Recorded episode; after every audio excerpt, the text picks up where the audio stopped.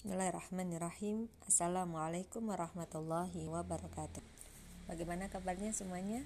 Mudah-mudahan selalu dalam lindungan Allah Selalu dalam kondisi sehat walafiat Dan selalu bersyukur kepada Allah subhanahu wa ta'ala. Baik, pada kesempatan kali ini kita akan membahas materi yang luar biasa Yaitu kedudukan anak dalam Islam Saudara-saudariku semuanya, di antara fungsi pernikahan dalam Islam adalah untuk memperoleh keturunan yang soleh dan membentuk generasi muslim yang beriman dan bertakwa kepada Allah, berakhlakul karimah, dan menegakkan serta menjunjung tinggi agama Islam. Masya Allah. Itu adalah fungsi pernikahan dalam Islam.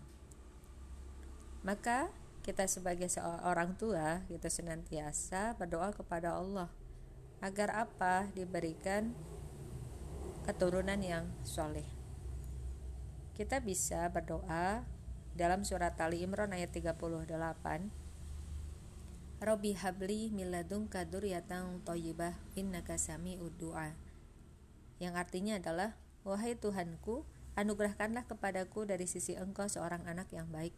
Sesungguhnya engkau maha mendengar dan mengabulkan doa maka kita sebagai orang tua ataupun calon orang tua gitu ya kita praktekkan kita amalkan doa tersebut dengan memperbanyak doa dengan memohon kepada Allah secara tunduk ya secara khusyuk dengan mengamalkan surat Ali Imran ayat 38 kemudian saudara-saudariku eh, kedudukan anak itu kedudukan anak memiliki beberapa.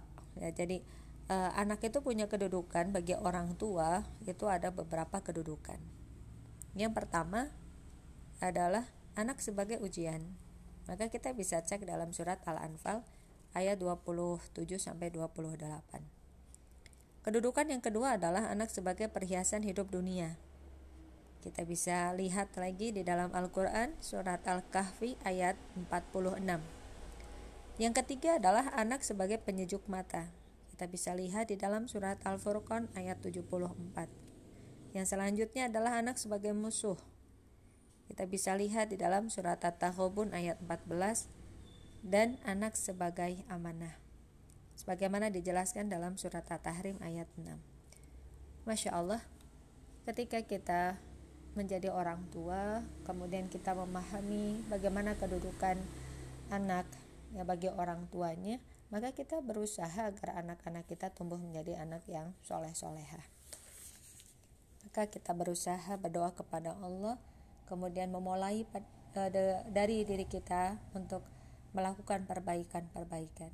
Mulailah pada diri kita insya Allah kita akan menjadi turi apa namanya suri tauladan bagi anak-anak kita.